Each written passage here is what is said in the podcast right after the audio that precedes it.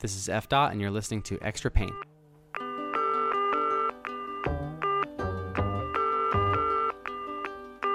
Hey, my name is Eric Friedenson, aka F Dot. I'm an artist and muralist based in Brooklyn, New York. This show, Extra Paint, is a podcast about muralists, and it's for artists, art lovers of all kinds. In each episode, we're going to talk to different artists and makers who are truly dedicated to their craft and making an impact in their community. If you want to follow me, you can find me on Instagram at fdot, that's E F D O T, and you can join our conversation on Instagram by following at muralists. So we're going to start out by interviewing a bunch of different muralists, mostly friends of mine, and then we'll expand and continue and see where this podcast goes. In this episode, we sit down with my good friend Jason Naylor. He's a Brooklyn-based artist and a big inspiration to me and many others out there. I'd say he's really prolific here in the New York City mural scene. He always is getting walls and painting beautiful positive messages on them with vibrant, eye-catching colors. So with this interview, we talked with Jason about how he went from working 6 years as a graphic designer for a cosmetic company to becoming a full-time artist and more about his mission of what he's doing with his art. All right, let's get into it. Let's talk to Jason. Cool. Yeah, so I'm from Salt Lake City. I moved to New York in 2004 and I had just finished design school at BYU, Brigham Young which is a Mormon school. We could totally talk about that too. yeah. But I moved to New York and then I started working as a graphic designer. I worked for MAC Cosmetics for 6 years and I was doing graphics and like art direction, all the kind of stuff that you do in-house as a graphic designer. At first I loved it. Looking back in my memory, I think it was brutal, you know, but at the time I thought it was dope, you know. It's like I'm in New York and I'm getting paid to like do these like little type designs or like splash colors or whatever you know I, I was doing and a lot of the work that I did because it was cosmetics was like colorful shit you know? So then I think over the course of you know 6 years I started to feel like I'm making all this work and it's I'm not putting my name on it. And that started to bother me. So mm. I quit my job. That's a really important point. Like what what what was it about putting your name on it that was so important? And was it really obvious just woke up one day and you're like I need to be getting my name on this stuff. I mean, I think it's like you you learn how to do something and you get better at it and you start to like realize how much love you're putting into it, you know, and and then you see it in production or you get like a printed piece back or you see it on like vinyl on a wall or you know however whatever the application is and you feel like that's mine you start to feel ownership and it's like becomes your baby you know and I think I was feeling like I'm making this brand look so good. I, that sounds cocky, so let me just I think I think what I was feeling was I'm putting so much love into trying to make this brand look good and I could be put it, I could be putting this love into making myself look good. To answer your question, I don't know if there was like a click where it was like my name's not on this, you know. I just mm -hmm. I I think that it started to feel like it was a lot of work for someone else and not for me, you know. I've heard recently about full-time jobs, it feels like you're always on the losing end of compromise because the whole idea is that they're hiring you to make something that's more valuable than what they're paying you. Yeah. So that they can make a return on their investment. Um, Interesting. it's the same thing when you when you work with a freelance client, you know, the freelance client's hiring you because you can deliver value. Yeah. Except it's just more of a one person to one person thing than like a one to many cogs in a machine. Mhm. Mm um but I think we're going on a tangent here. I feel like that's a really good point though cuz a lot of graphic designers and artists are are happy to kind of stay behind the scenes and be the artist for Pixar or the artist for I don't know, Mac Cosmetics. Yep. But there was something in you that just decided I want to make a name for myself and I want to be known for my art, not help the brand get known because of my art. Exactly. Yeah, and you know what there's a lot of um there's some nobility to being the graphic designer that's the unsung hero. And graphic designers are pretty commonly like the unsung hero. You know, you work for Pixar and you do all this amazing shit and no one knows who you are, but you get to quietly like watch Finding Nemo and you're like, "Yeah, I did that," you know, and and that feels great. That's perfectly fine for a lot of people, but that's not that wasn't good for me. So I'm not saying it's bad to not want your name on everything. No, I'm just yeah. saying like I I did. Yeah, people love getting credit where where credits due, but it could be so small. Like the film credits, just speaking of Pixar, the film credits that roll at the end of a movie, how many freaking names are on that thing? There's like oh, thousands of names. 10 minutes of But people are like, "I want to see my name in the credits." Yeah. Like they see it. Maybe people in the industry will say, "Oh, who is the CGI artist on this movie?" and they'll find the name. Right. But no one's no one in the general public is going to know that it was you if you're just in that mess of names. And I feel like with muralists, there's all this etiquette of like, tag me in the photo, mm -hmm. put me on the top of the caption, give me as much credit as possible. Mm -hmm. And it's kind of like the opposite of the movie industry. Yeah, it totally is. It's interesting. Muralists are very um, needy for credit. And I think this is a whole other conversation which we could have. Street artists and graffiti artists and muralists, which are different things, right? They all have their own individual ideas about like how credit should be given and where credit is due and obviously graffiti artists kind of live in their own world. I won't speak to that as much because I'm not a graffiti artist. I'm a muralist, but I put my name on everything like loud and clear, you know, cuz I want it to be known. I want the glory. And I mean and yeah, the future jobs. And the future jobs, but at the yeah. end of the day, I want people to see the work and know that it's me, so I put my name on it, you know. And I think that's important. I feel like at this point, at least for me, I don't even need to see your name on it. I already know it was you. I mean, that's everyone's like goal, right? Consistency. yeah. yeah. And if you're doing it like if it's part of your business, if this is what you want to do for a living, then you put your name on it hoping that someone who's going to sign a paycheck down the road will see it. Yeah. So there's that too. But it's like it to me that's not it's not always about the credit like people knowing who did it so that they can just know your name. It's about the perpetuation of business. Right, like free marketing. Yeah. Yeah. So we skipped a little bit of your story there. I want to know how you went from doing the 6 years at Mac Cosmetics to becoming a full-time muralist? Like what was all the in between stuff? And were there any big light bulb moments for you like where you were like that's a break there I have to follow I have to keep pulling this string? Yeah, totally. So when I quit my job, I actually wanted to be an illustrator and I think oh you know actually I had a moment I should I should mention this to you. I had a moment or many moments as an art director like you know, you grow up from being a graphic designer, you become an art director, right?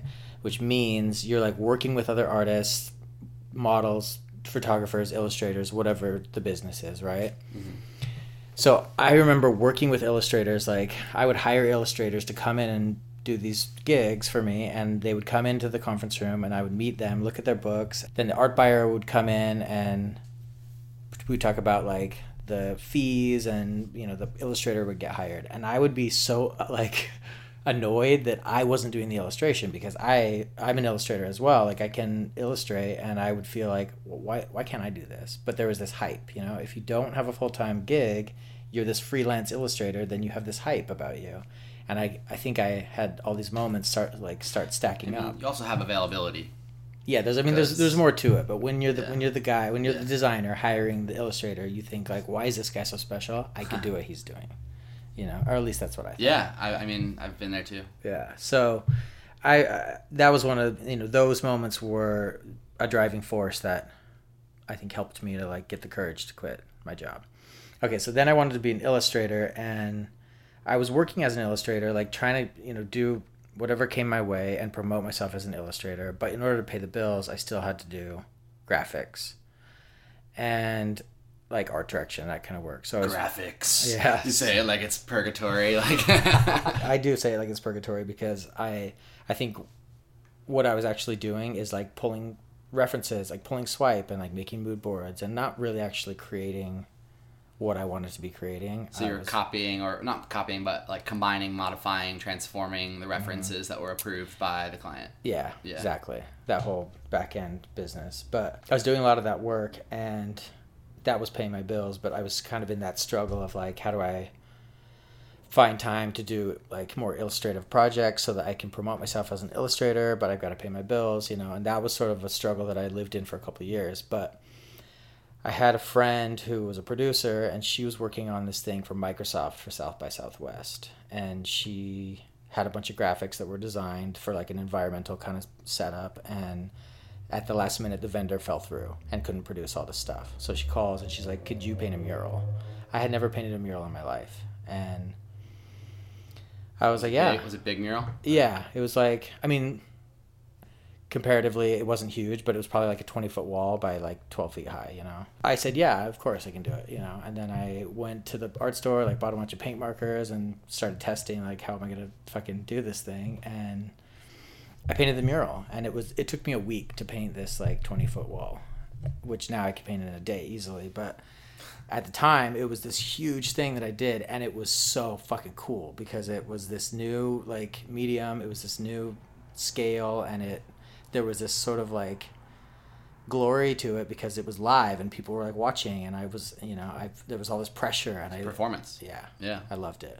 And after that it, I just was like I was sold. I was uh, all I wanted to do was paint murals. So since then that was the beginning of 2013 since then I've been chasing murals full time just projecting that as what you do. Mm -hmm. the main thing. Cool man. That's I didn't know that story um, I'd be curious to see that mural from six years ago and see if it has any commonalities with the style that you're doing now. Yeah, it totally does.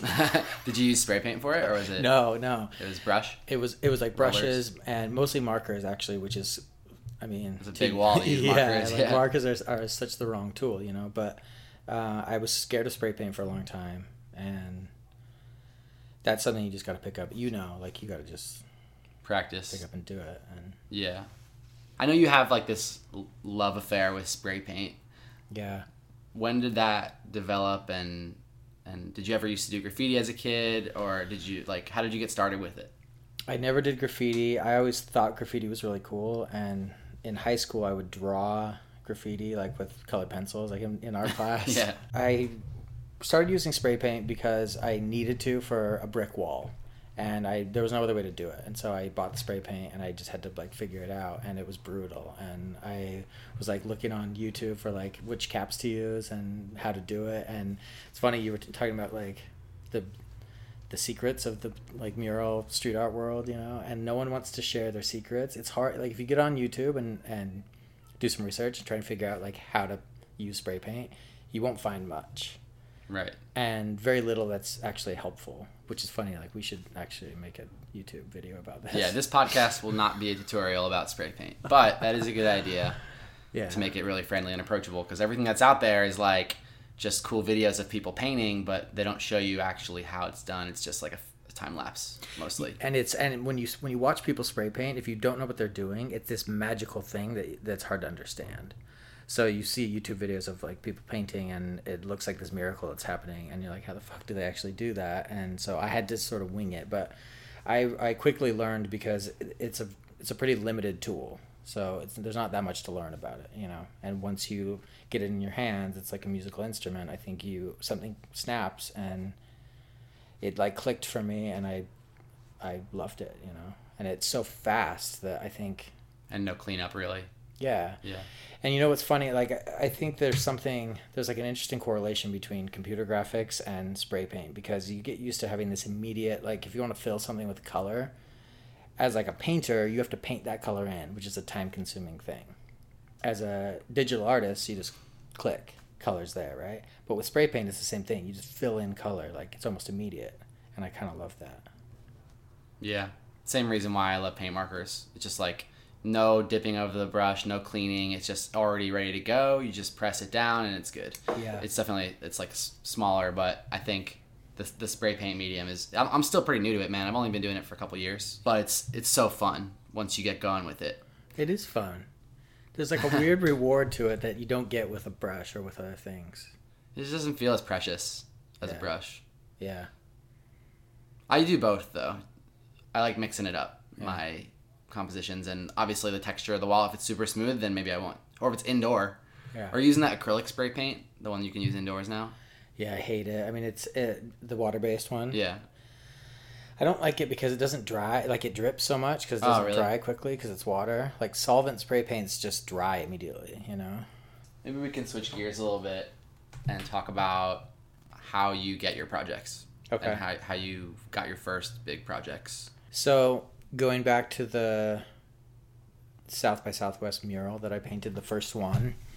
Once I had that completed, I started showing that off and that led to other murals because it's like once you have something to show, it's easier to tell someone that you can do it and justify it and and get another wall. So I used that like photos of that wall to get more I think I did a lot of unpaid murals after that because I wanted to do them, but it, it's hard to find paid mural work. Especially when you don't have that much demand for it and you're in, I don't know, I guess you were in Brooklyn, but... Yeah. Yeah, people want to know exactly what it's going to look like after, and there's all, like... I still sometimes do free murals if they let me do whatever I want to do. Mm -hmm uh, and I have nothing else going on, but it's pretty rare. Yeah, I, I don't think it's a bad idea. You know, doing anything to build your portfolio, it's like, you know, we learned in school, wait, you went to design school, right?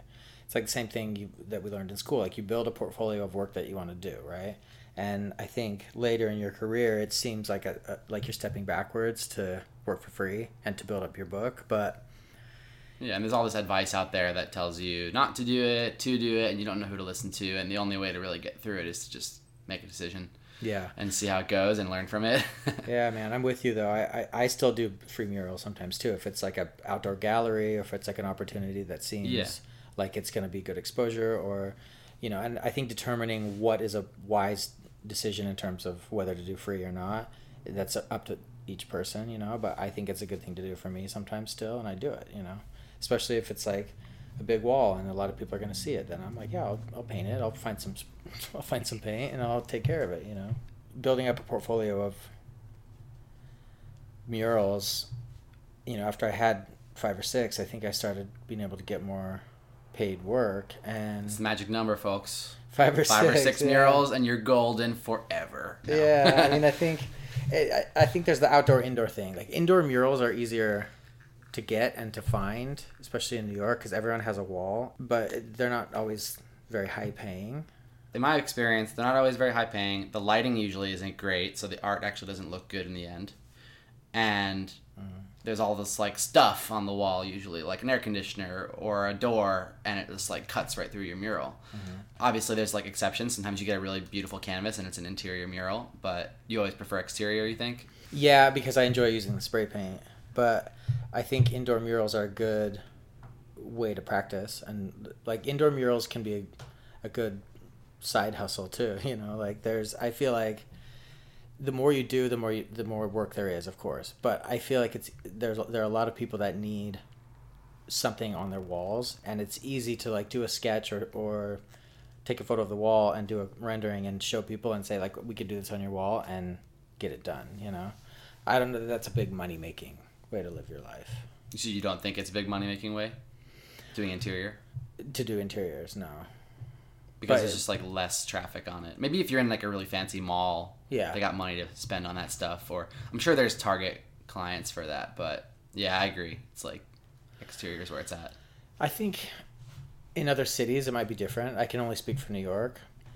Outdoor like a big outdoor wall pays like four times what an indoor wall pays and that's just based on the yeses that you've gotten from people because you know budget's always relative it's flexible mm -hmm. but on average you're saying it's like four times more valuable to the client or they think it's five times more valuable well yeah and generally because more. it's advertising for them yeah and it's outdoor advertising instead of just like decor indoor. yeah decor basically indoor yeah. that makes that's a really good distinction i think like outdoor advertising versus indoor like interior decor yeah I think yeah. I think that's a good way to put it because if you're if you know if you're a corporation and you have a conference room with a big white wall and you want to put something decorative on your wall, like where does that budget come from? Whereas if you want to put something on a on the corner of 6th Ave, then that's coming from a different budget, right? Like you want to put something about your brand on 6th Avenue, you probably have an advertising budget and it's yeah. way different. So let me ask you, do you like do you feel like building a portfolio of murals has helped you to get more mural work? cuz Definitely. Because you've been trying, you've been like getting more and more, or I've been seeing more and more of your murals. Yeah. Popping up. Definitely. You got to be really careful about what you're sharing. I think some people are like, "Oh, don't overthink it. Just post whatever." No. Like if you're trying to get mural work, focus on that. Post more murals you don't have to do 100% anything of course like everything with a grain of salt but mm-hmm. i think that has led even just posting the same mural a few different photos of it mm-hmm. over over the course of a couple months cuz like i didn't do a mural this month i've been busy on other things but i can still post murals from my previous projects and that just keeps people keeps it top of mind mm-hmm. oh i remember he does murals next so then next time there's a mural i think we should call eric yeah yeah do you feel like um murals are your most enjoyable work? I don't know. I I get lost and I, I lose track of time when I'm painting murals and that's what I love about it. Yeah. But I also really like experimenting with different mediums and working in 3D, doing neon, um and collaborating with someone on to something totally different. Uh what about you? I mean, I, what about besides murals? Like what's your next favorite thing to do? Well, I, I I love when the mural is part of a bigger like system of things. Yeah. And I think it's it could be like you know apparel like t-shirts and like the art could live on a wall, on a t-shirt and on a something digital and that would be really cool. I think if the if it starts on the wall, that's best for me. Like if the design was created for a wall and then it rolls out into other places, then that's best because if you if you design for like a square screen and try and move that to a wall, it's a different, you know, the process is not as yeah. That doesn't work as well. Right. It doesn't translate perfectly. If all i were doing was painting murals i would be a little bit bummed. I i've got to have some like digital computer mm -hmm. like time as well you know? Definitely. Can you tell me a little bit about what drives you to make art in the way that you do? Like the message that you put into your art and the color? Because i feel like you're a perfect example of someone who took things about their personality and just like dialed it up to 100 and shamelessly relentlessly put it out there over and over until you're getting paid to do it basically. Or that's the way it looks like from the outside. And now you're basically getting paid to be yourself. Yeah. Well i mean the the message my message you know that's all about like love and kindness i think that is kind of who i am. I mean i'm a pretty happy generally positive person. Not to say that I don't have like a bummer of a day here and there. Yeah. I do, you know. but I think that the message is more important than the way things look. I I've always felt like what you're saying is louder than the colors or than the design and in a way there's something kind of special about knowing that because it's like you have this message or this idea and this is I guess it's kind of a design conversation too, but like the the message and the communication can be so strong that they decide what the design is going to look like or what the colors are going to be. And I think the the magic of that is something I've always been drawn to, you know. The if you get the message right or if you get the concept right or or the communication right, then the creative decisions will fall into place, right? So that's easy to say. That's actually not the way the world works, right? But like we can we can talk about that as designers. But I I really like the idea that this message kind of drives everything and so that's why I use so much color. I want to just like be nice. I want there to be kindness and love and like happiness and I want it to be cool and edgy and like rock and roll or whatever to like be nice to people, you know. Yes. And I think it's convenient for me because our world needs that right now, you know, always or whatever, but I I just generally I'm a pretty nice guy, I think, and I would like to put that into my art, so I choose bright colors and do gradients because they feel happy, you know, and I think it reflects what I feel in my heart. So that that's kind of the message. And in terms of just like splashing it out there, I think I just saw that the more I did it, the more people responded to it and that fuels me. Like I make something colorful and happy and I feel happy doing it and it drives me to do more of it and then people see it and they like it and that fuels me even more and it's this cycle you know? But the response from other people is really important to me. If i if i were just doing this and nobody liked it i it wouldn't work. So i think i think any artist that tells you they don't care about what people think of their art is liar. It's a is a freaking liar. They don't they can't be numb to the attention. It's true. I mean it, it's yeah. it's so important to me and i i think I think you're right. Or they're a sociopath.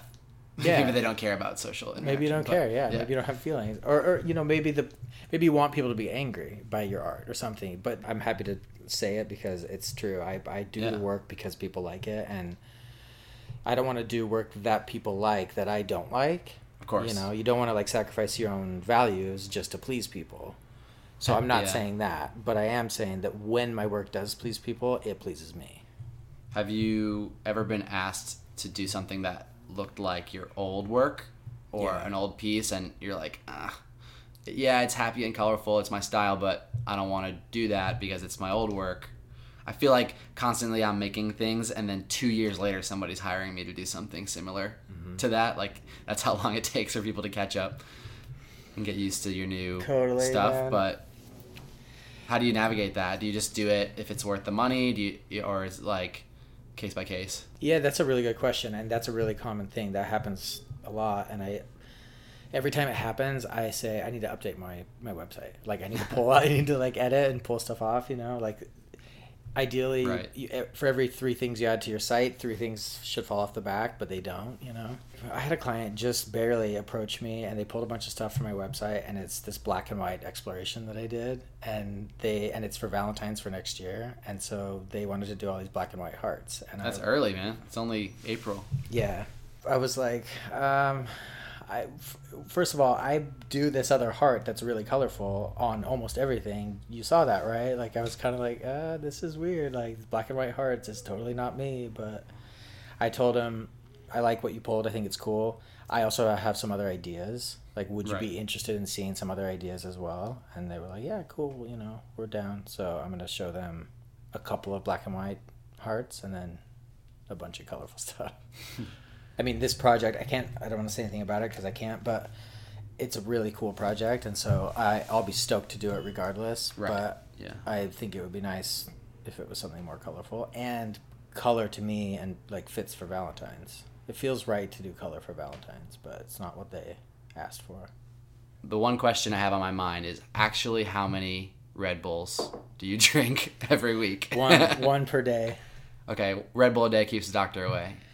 Well, I mean, or or it actually makes you go to the doctor. I don't know. I don't I, I don't know, dude. I don't know if it's I guess it looks like I drink a lot more, but I only have one every day and I make my little Red Bull face every day with it while I drink it and then that's that. But if you're not following Jason on Instagram to see his ridiculous stories doing free advertising for Red Bull, you yeah. don't get those for free.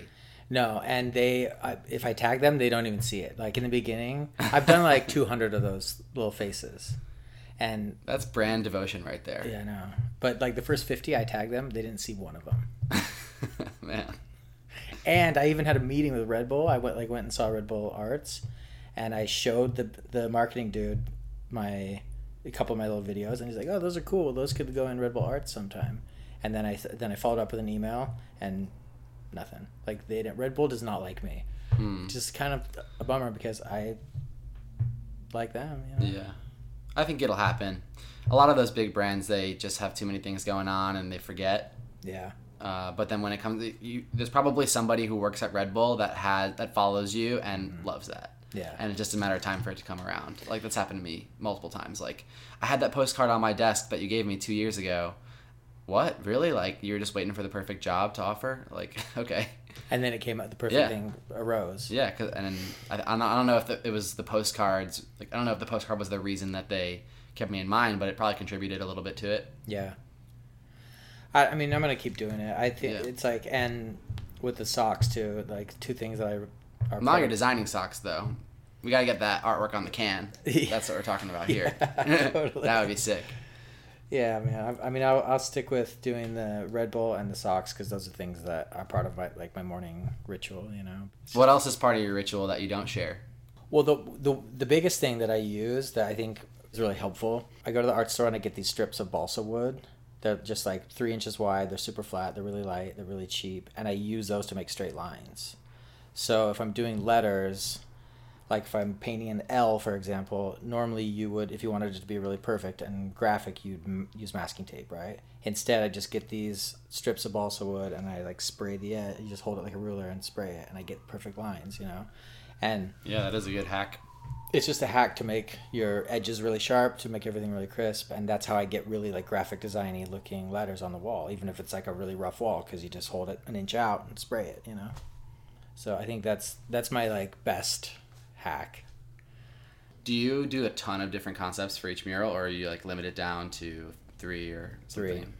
3 that you present or 3 that you usually like usually get it 1 2 3 and then you show them or do you like make 10 and then narrow down or Well, a lot of the murals that I have been doing this has been happening more and more lately. The client will just pull something that I've already done and they'll want to like plug their brand into it and it's kind of like we we like this one, we want it to look like that, but with this color or you know, with our name or you know, that kind of thing. And that that kind of makes it easy, but it's it takes away the fun of the challenge, you know.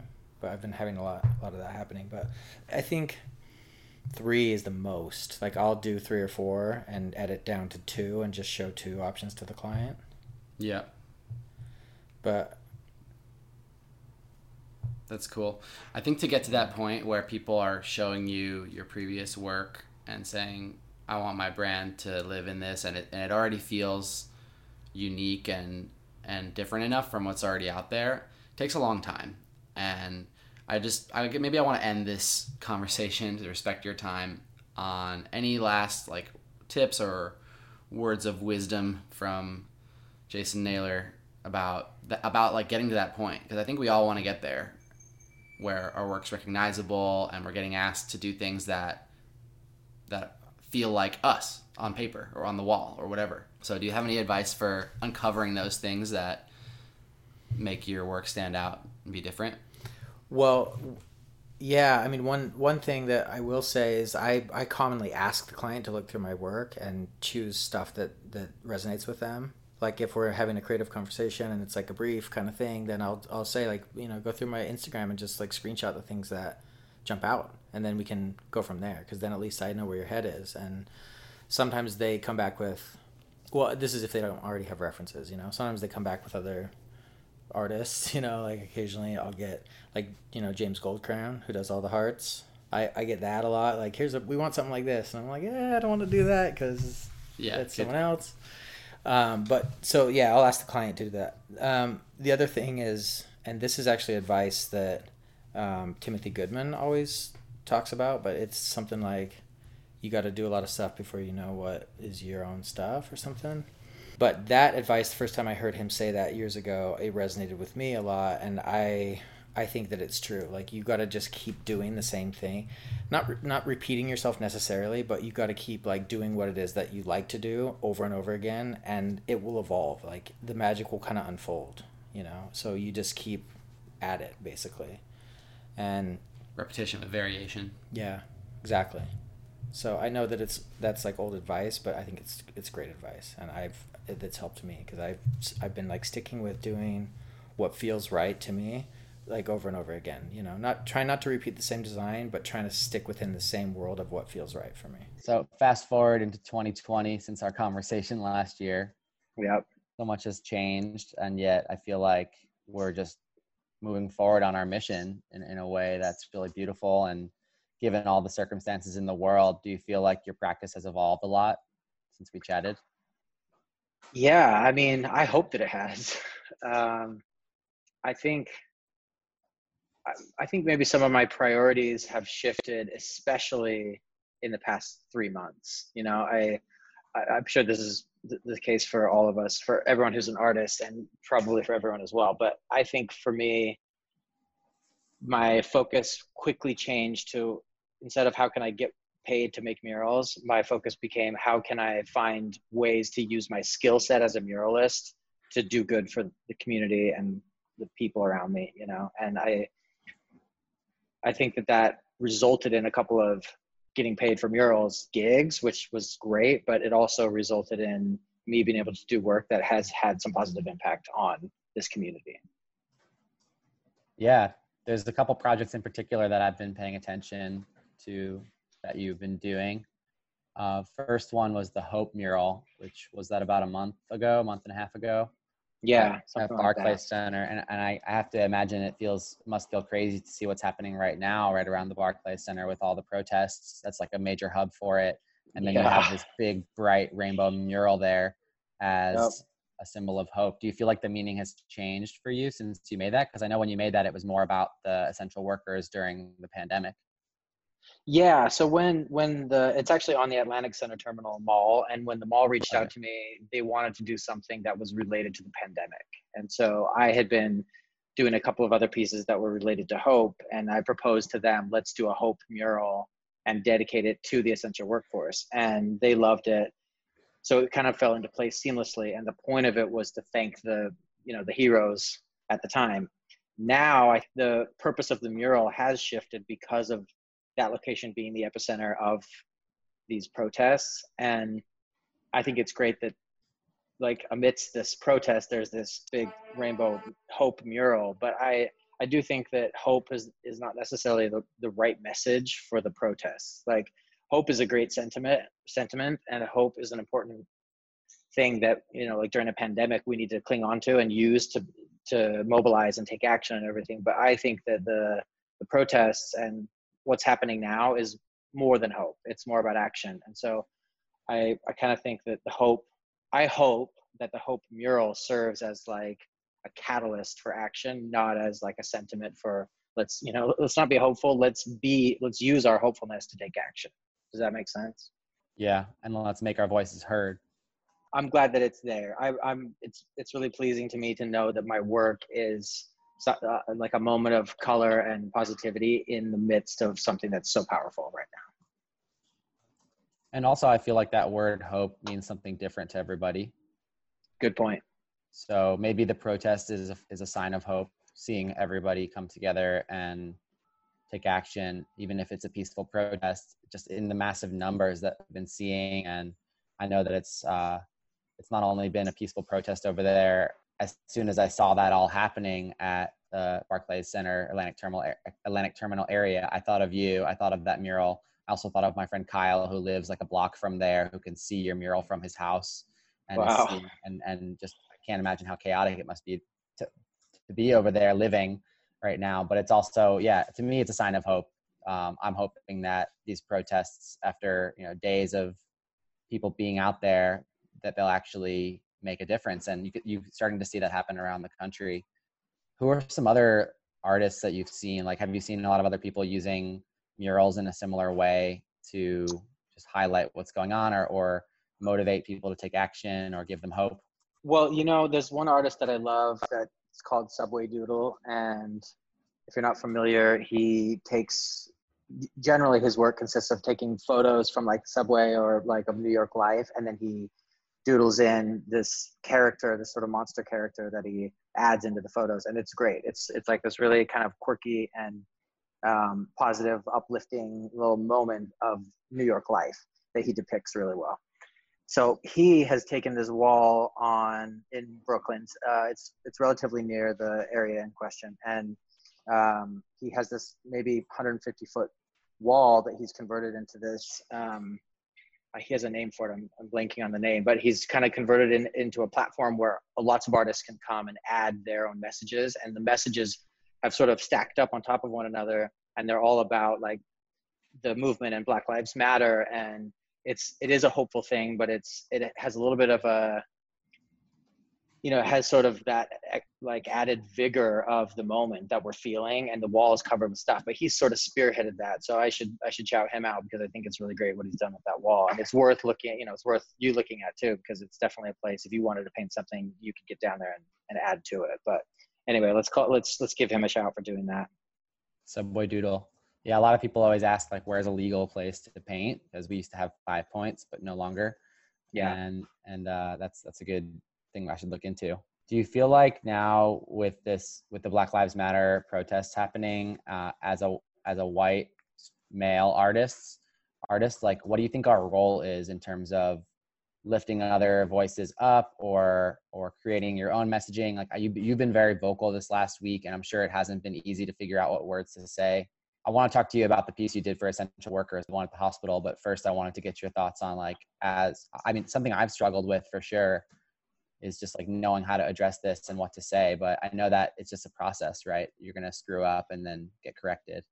Yeah man. I mean i think to answer your question like as a as a white male artist in this time i think there are risks that need to be taken and i have been vocal in the past couple weeks and it has been a little bit nerve-wracking for me because i fear saying something offensive or wrong and i have felt that fear in the past which is why in other political you know so to speak political moments I've kept quiet because I I didn't want to like mess it up you know I didn't want to say something offensive. And so I this time I decided to take action raise my voice and speak out and it has been scary and rewarding you know. And like in one of my posts I wrote that like the fear that I feel about making a post is nothing compared to the fear that other people out there in the world are experiencing for their lives. So there's no reason for me to like let fear stand in the way of me writing something on my platform. So i did write something but that doesn't negate the actual fear. There has been fear but i also have you know kind of overcome that by just doing doing the talking doing the posting and and i think for the most part it's been well received which is nice. It's always nice to hit, to have validation that what you're doing is helping and that it's being done in the way that's meaningful. So i i'm going to keep going of course. I think that you and me both like we have to rely on trial and error. I'm sure there will be moments when we may do something that is offensive or wrong or you know maybe not the best but if it's taking a step in the right direction and we keep moving forward then that's what we should be doing.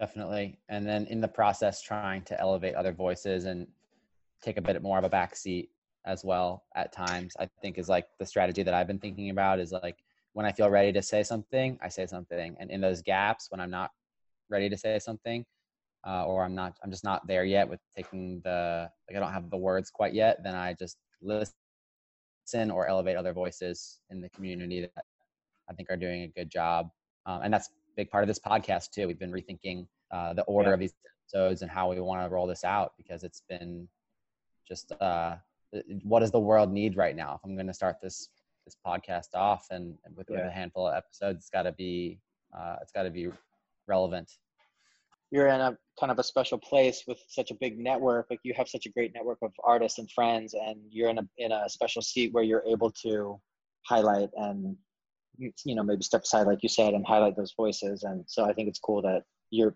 both able to do that and that you're doing it. There's definitely this this uh aspect of being an ally as a performance versus being an ally as a genuine act of helping.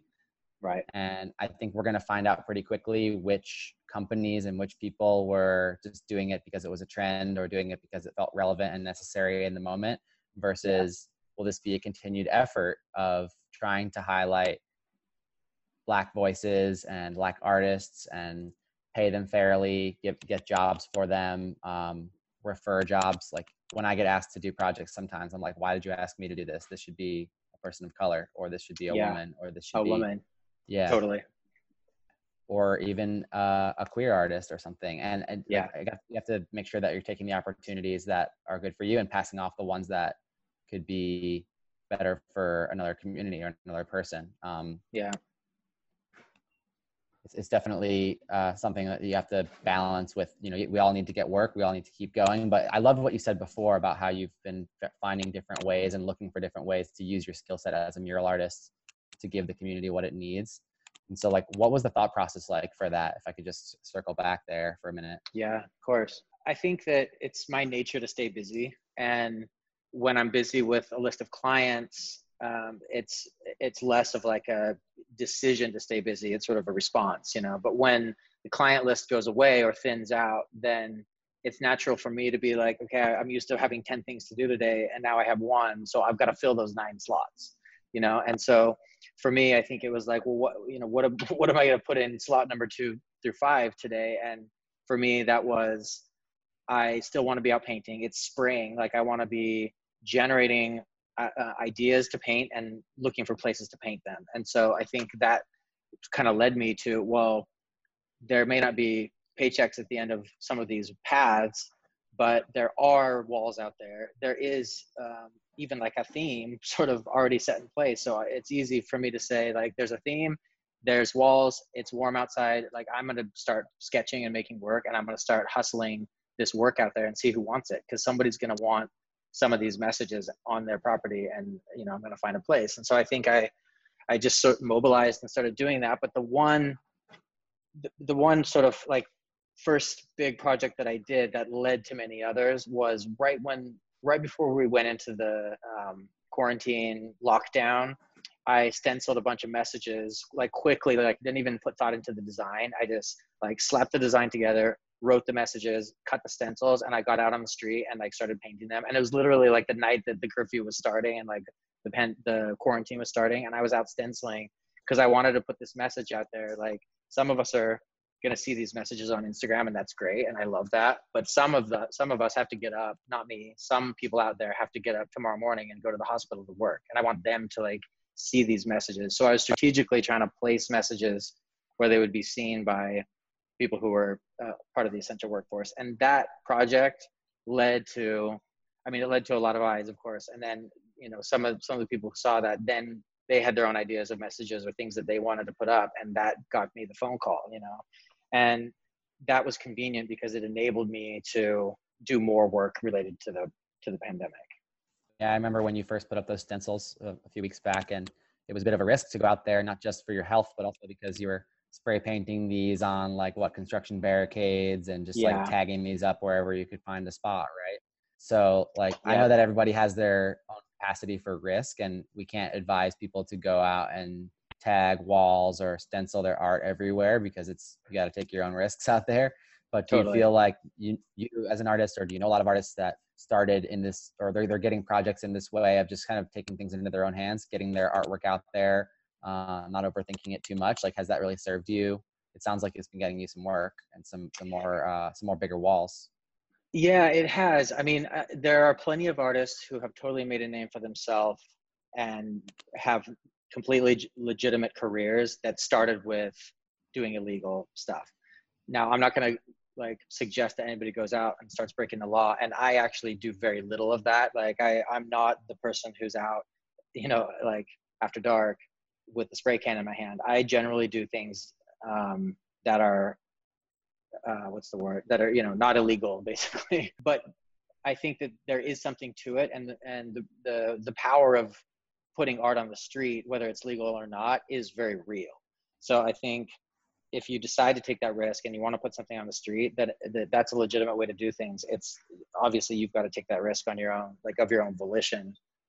But it's real you know it's it's definitely something yeah. that helps so. It's so funny you said that like that's a legitimate way to do things. So many people would say no that's not legitimate that's illegal you know because well, legitimate yeah. like by the law. Totally totally. I'm not saying it's a legitimate way to like be a law abiding citizen. No. i'm saying it's a legitimate way to get your art seen by the world you know? It's a it's a legitimate way yeah. to get your your message out there. So it's proven it's tried and true. I mean like whether it's legal or not if you're painting something on the street repeatedly people will see it and it will gain traction. I think it's it's a really crazy time to be living in not only as an artist but just as a person and to see to see all the different perspectives come together. I've been trying to step outside my shoes and really understand where each person's coming from and it's it's not easy because everyone has a unique experience coming at this. Yeah, agreed. So I wanted to ask you about the mural you did at the hospital. So that was like a banner, right? How did that one come about in, you know, a quick story? Okay, yeah, quick story. Um so there's a agency called Indie Walls and they I'm not I'm not entirely clear on exactly what they did before the pandemic started, but they a big part of the production that they do is printed vinyl banners and uh it's probably used for advertising normally, but they started this program where they were doing where they're reaching out to artists and uh collaborating to create designs that would then be produced in vinyl banners and would hang in front of the hospitals where you know obviously in front of the hospital period. And um they reached out and said we like your work. We want to do something you know positive hopeful um and as like a shout and a thank you to the essential workforce do you want to do it? I'm like 100% yes i do want to do that. And then they actually had uh, a few pieces of copy already written that they wanted to use. So in this case i was they brought the message to me and they there were like four or five different lines so all along all, all along the lines of like thank you and um the message that I chose to use was you've always been essential because that's the one that resonated with, with me. So I did the design, they produced it and then I was given the opportunity to be on site when they installed the banner in front of Sloan Kettering in Manhattan and that was pretty pretty powerful because um a lot of the nurses were able to step away for 15 minutes and like come out at the end of the installation. I was able to see them, like see their reaction and, you know, get photos and everything, which is great. And then uh, Indie Walls also produced a small print version, which they gave to one of, uh, they gave one print to each hospital employee at Sloan Kettering, which is amazing. So I was able to be there for that. And I mean, it was huge and it, it was really special. And I felt like, uh, you know, I felt honored that they reached out to me and asked me to participate. Yeah, man. I that one really hit me hard. I feel like the idea of essential workers is, is a new idea that I didn't hear before this year. Right. And I can't imagine like being like how that word feels if you actually are an essential worker. Like there's probably all these other emotions that come along. It's like, yeah, but we're putting our lives on the line. Yeah, yep. but we're we're risking all of this to serve the community and like some of them some of the essential workers non-hospital workers they're not usually considered a frontline worker right like they're yeah. Yeah. bringing groceries or they're working at a a market or at, at the end of all this hopefully we have a modified view of of the roles that these that all these people play in in in our daily lives you know and I've thought about the trash collectors like they they were like they're probably like I didn't sign up for this shit you know but they're now the front they're the heroes on the front lines so Yeah, and so to to call them essential workers in 2020 and then to remind them that like they've always been essential and their their their job has been important since they started. Uh yeah. I thought that, I just thought that was a beautiful message and I'm, I hope that that banner stays up for a long time. Even though the media is distracted by all the other problems and and issues happening in the world right now, COVID is still a huge thing that we're dealing with for probably the remainder of this year until we have a vaccine and um yep. just getting more art around it. I even have a friend that reached out to you that wants to do a whole documentary about the art during the pandemic um and these messages that you're creating. So thank you for making these these awesome like uplifting reminders for everybody. I imagine it's like uh my friend Scotty likes to say even encouragers need encouraging. Yeah. Well thanks for saying that. I mean it's true. I think we all you know we it's a cycle. We all need each other and even those who are sort of like at the top of the triangle at the top of the pyramid with their light shining bright like they need to recharge too. So it's i think we're all in this together. Cool man. Well thank you for, again for making time to update this podcast episode and and chat and catch up. Um is there any update of like how people can follow along with your work or is is the same thing that you said a year ago still good? I'm big on instagram. It's at jason naylor j a s o n n a y l o r. And my website is pretty current but um i will say that i I, you know, for all, for all of you who are listening, I uh, appreciate all the love that's being spread. And it's this past couple months, there's been so much love. I mean, more love than normal. And that's, I think that's huge. And so I'm glad we're all in, in this together. Thanks, Jason. That was beautiful. all right, man. Talk to you soon. Thanks, man. Talk to you later. Yeah. There you have it. I had a blast talking with Jason Naylor on this episode. I hope you enjoyed listening to his story. Thank you so much, Jason, for your time. If you enjoyed this interview, remember to go follow Jason's art and show some love for what he's doing. It's powerful and uplifting and colorful, and it brings joy to my day. I think you won't regret following him. If you want to follow me, you can find me on Instagram at fdot, that's E-F-D-O-T, and you can join our conversation on Instagram by following at Muralists. We share the best tips, tricks, and bits from our guests and more. All right, that's all for now. And until the next episode, take it easy, keep pushing paint.